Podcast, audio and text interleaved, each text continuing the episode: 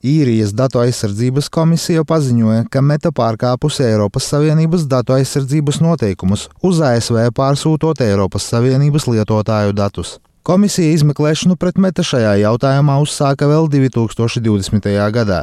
Izmeklēšanā tika konstatēts, ka uzņēmums Meta, kura galvenā pārvalde atrodas Dublinā, nav spējis novērst riskus datu subjektu pamatiesībām un brīvībām, kas tika identificēti Eiropas Savienības tiesas iepriekšējā spriedumā. 2020.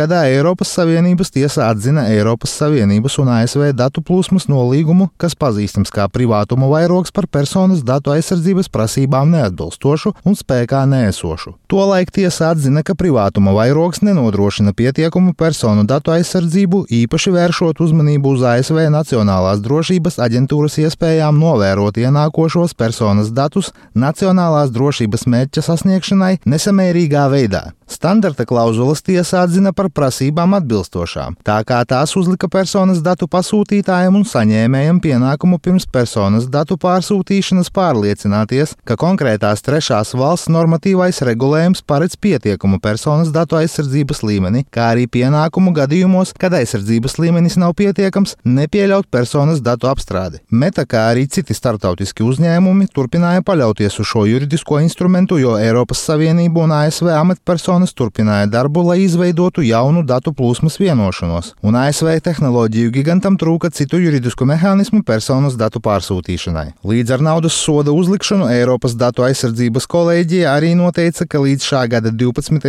oktobrim Meta ir jāaptur turpmāka personas datu pārsūtīšana uz ASV, izmantojot standarta klauzulas. Meta pārstāvis Niks Kleks savukārt nāca klajā ar paziņojumu, ka uzņēmums plāno pārsūdzēt lēmumu par naudas soda piemērošanu un datu pārsūtīšanas apturēšanas termiņu. Kleks arī norādīja, ka viņa prāta lēmums par naudas soda piemērošanu rada bīstamu precedentu. Tikmēr Eiropas komisijas pārstāvis Kristians Vigants, komentējot lēmumu par naudas soda piemērošanu, atzīmēja, ka Eiropas Savienība un ASV datu aizsardzības regulējums, pie kā šobrīd abas puses aktīvi strādā, ļaus nākotnē izvairīties no rekordlieliem naudas sodiem. En ce qui concerne les transferts euh, de méta, Šis lēmums īsteno Eiropas datu aizsardzības kolēģijas nolemto. Runājot par datu pārsūtīšanu no metas puses, īrijas iestāde ir norādījusi, ka uzņēmumam mete ir jāatrisina problēma. Daudz datu tika apmainīta ar ASV. Šobrīd mēs strādājam pie datu aizsardzības regulējuma starp Eiropas Savienību un ASV, un šis regulējums atrisinās jautājumus, kas radušies šajā konkrētajā gadījumā.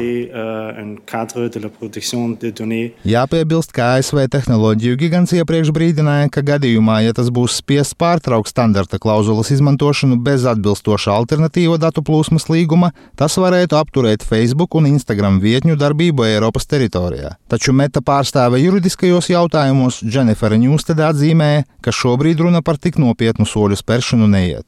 Rustam Šukurovs, Latvijas Rādio.